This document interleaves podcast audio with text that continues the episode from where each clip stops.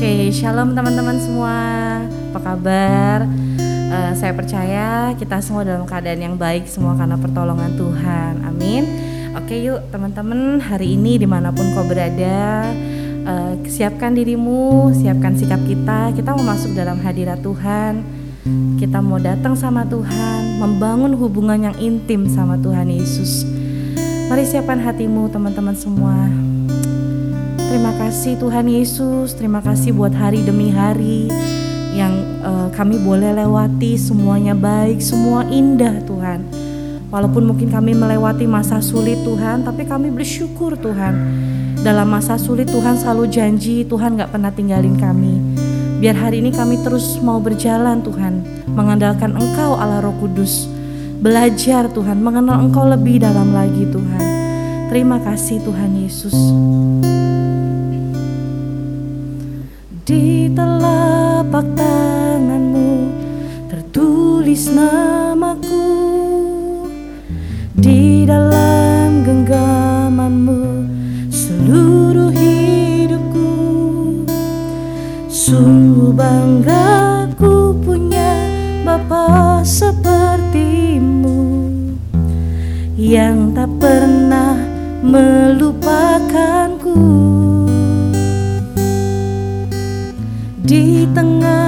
badai hidup Kau menemaniku. Di atas gunung batu Kau bawa diriku. Amin. Sungguh bangga ku punya Bapa sepertimu Yang tak pernah meninggalkanku. Ku nyatakan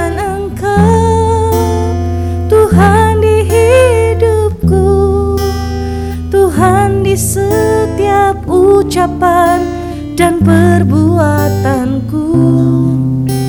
Ku nyatakan Engkau Tuhan di hidupku. Tuhan yang selalu ku sembah di setiap nafasku. Haleluya, terima kasih Tuhan. Di telapak tertulis namaku Di dalam genggamanmu. Seluruh hidupku Sungguh bangga ku punya Bapa sepertimu Yang tak pernah melupakanku. Di tengah badai kau menemaniku Di atas gunung batu. Kau bawa diriku Sungguh bangga ku punya Bapa sepertimu amin. Yang tak pernah meninggalkanku Ku nyatakan engkau Tuhan di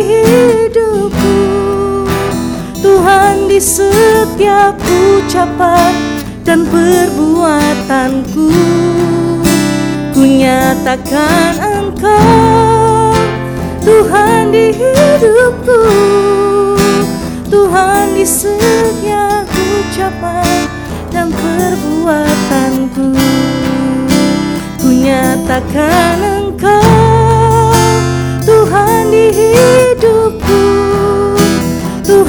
setiap ucapan dan perbuatanku. Ku nyatakan engkau Tuhan di hidupku. Tuhan yang selalu ku sembah di setiap kami nyatakan engkau. Ku nyatakan engkau Tuhan di setiap ucapan dan perbuatanku. Ku nyatakan Engkau Tuhan di hidupku. Tuhan yang selalu ku sembah Di setiap mari sembah dia. Oh terima kasih Tuhan. Kami bangga punya Allah seperti Engkau Yesus. Kami bangga Tuhan jadi anakmu. Oh Yesus, terima kasih Tuhan. Kami janji Tuhan, Engkau yang kami sembah seumur hidup kami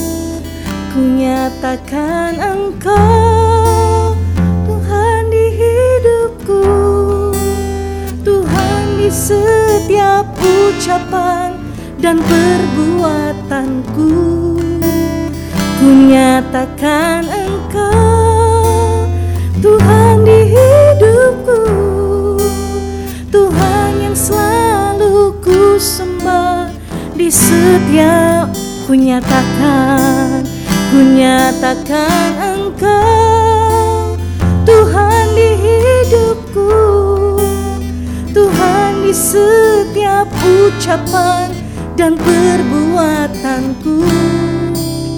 Ku nyatakan Engkau Tuhan di hidupku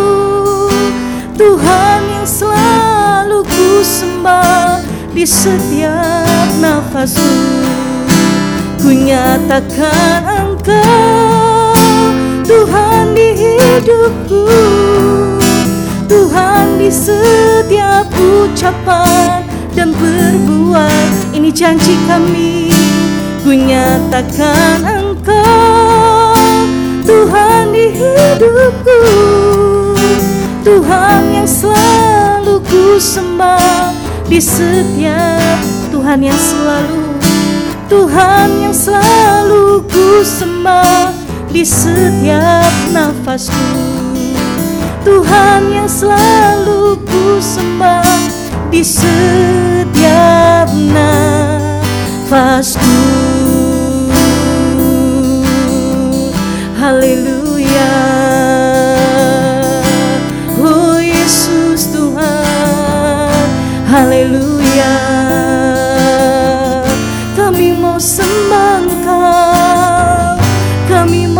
puji Engkau Yesus.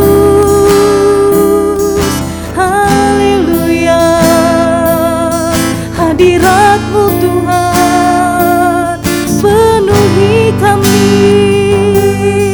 Mari buka hatimu teman-teman. Percayalah Saat kau buka hati hadirat Tuhan memenuhimu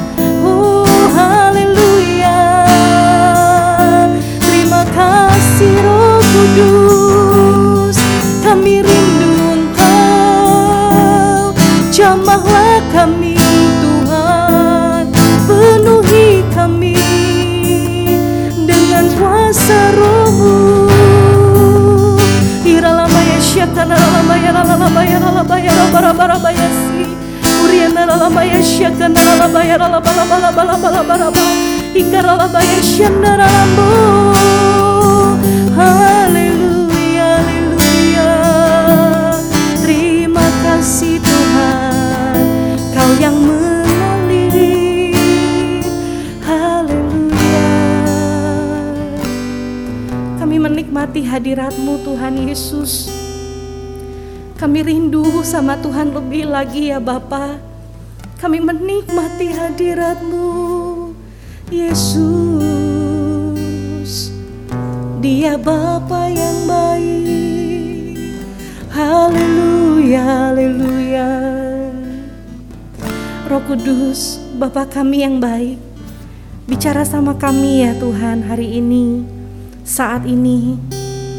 Kami mau kasih telinga rohani kami seluruh Tuhan, seluruh hidup kami, tubuh kami yang sudah kau percayakan Tuhan. Hari ini untuk mendengar isi hatimu Tuhan. Bicara sama kami ya Tuhan, nyatakan isi hatimu Tuhan. Yang selama ini masih terselubung dalam hidup kami ya Bapak oleh firman-Mu itu yang membukakan Tuhan. Setiap kami bahkan tidak hanya membukakan tapi itu boleh melepaskan Tuhan. Membebaskan setiap belenggu yang ada dalam hidup kami Tuhan. Karena firman-Mu berkuasa Tuhan Yesus. Terima kasih Bapa. Kami siap dengar firman-Mu. Bicara Tuhan sama kami. Dalam nama Yesus. Amin. Amin. Puji Tuhan teman-teman.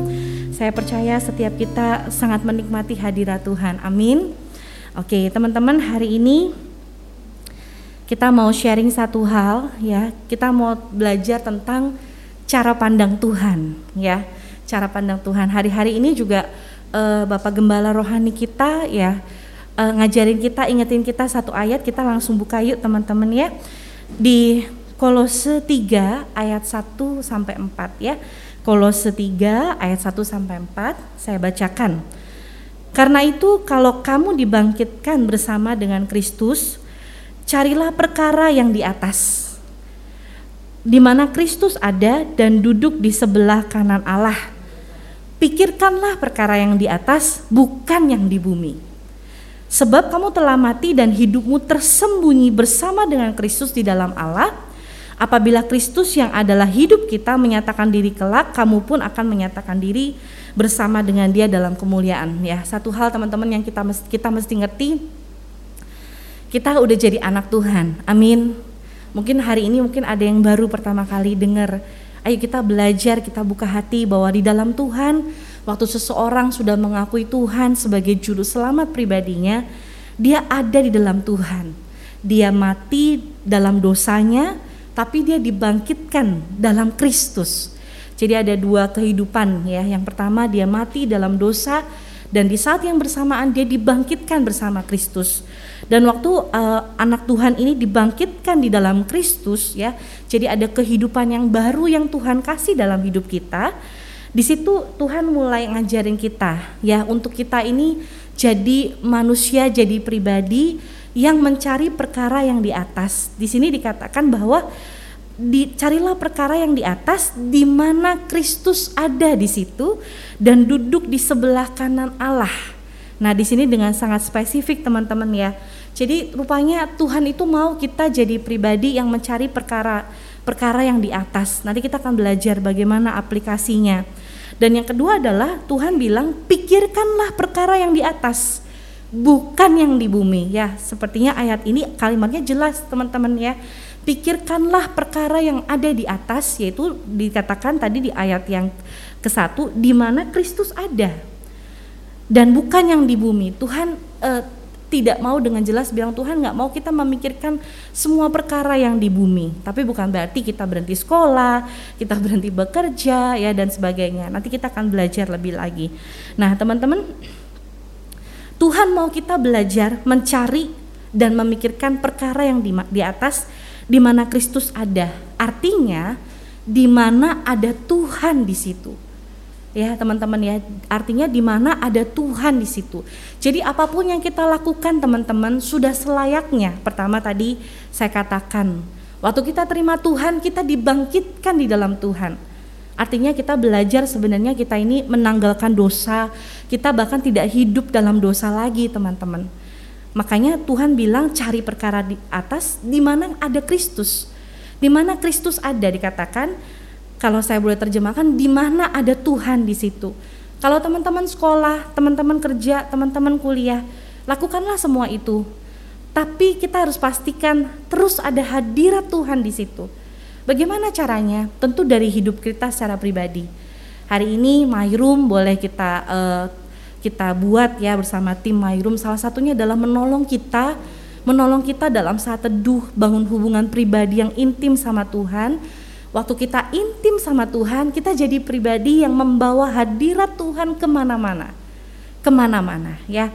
Bukan saja untuk orang lain lihat tapi per pertama adalah untuk diri kita saat kita belajar kita ingat ada hadirat Tuhan dalam hidup saya sehingga kita tidak memikirkan perkara yang di bumi, tidak memikirkan kecenderungan-kecenderungan untuk buat dosa. Tapi karena kita ingat ada Tuhan dalam hidup kita, kita selalu memikirkan perkara yang di atas di mana ada Tuhan, di mana ada hadirat Tuhan. Contoh, kalau kita pelajar, waktu kita mulai mempraktekkan hal ini, kita pasti akan memilih kita belajar sungguh-sungguh dibanding kita nyontek kita nyontek adalah aplikasi di mana kita memikirkan sesuatu yang ada di bumi. Ya, yang ada di bumi, jalan pintas nyontek aja. Tapi waktu kita sadar sebagai pelajar, sebagai ya yang sekolah, yang di kampus, yang kerja juga tidak berbuat curang, kita sadar ada hadirat Tuhan, pasti kita memikirkan apa yang Tuhan suka, apa yang Tuhan mau. Nah, teman-teman, memikirkan tidak cuma berpikir, ya, oh saya sudah berpikir gitu ya sudah selesai. Tidak, teman-teman. Tapi saya percaya bahwa memikirkan yang Tuhan mau itu adalah memikirkan perkara bukan hanya saja memikirkan tapi kita belajar yang namanya merenungkan, teman-teman. Terus direnungkan sampai kita paham dan mengerti. Waktu kita paham dan mengerti, kita baru bisa melakukannya.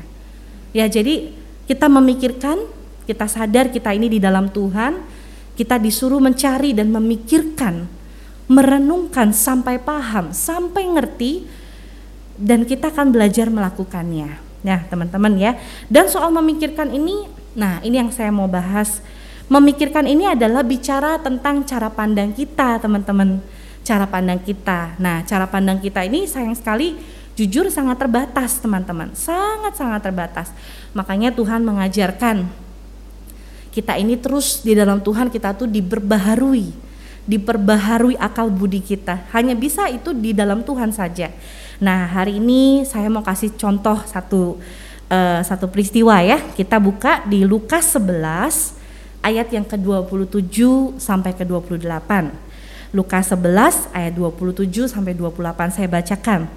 Ketika Yesus masih berbicara, berserulah seorang perempuan dari antara orang banyak dan berkata kepadanya, Berbahagialah ibu yang telah mengandung engkau, yaitu Yesus, dan susu yang telah menyusui engkau. Ya, ini dimaksudkan adalah bahagia sekali nih ibu nih yang sudah terpilih untuk uh, melahirkan Tuhan Yesus ya. Uh, lalu ayat 28, tetapi ia, yaitu Yesus berkata, yang berbahagia ialah mereka yang mendengarkan firman Allah dan yang memeliharanya. Nah, uh, ini cuma dua ayat saja teman-teman, tapi dari dua ayat ini terus terang Tuhan ajarin saya pribadi satu hal gini. Di ayat 27 dikatakan ketika Yesus masih bicara, berserulah seorang perempuan ya. Perempuan berarti seorang manusia nih teman-teman ya. Dia dari antara orang banyak dan berkata sama Yesus gini, bahagia sekali ibu yang telah mengandung engkau gitu ya. Dan dan susu yang telah menyusui engkau.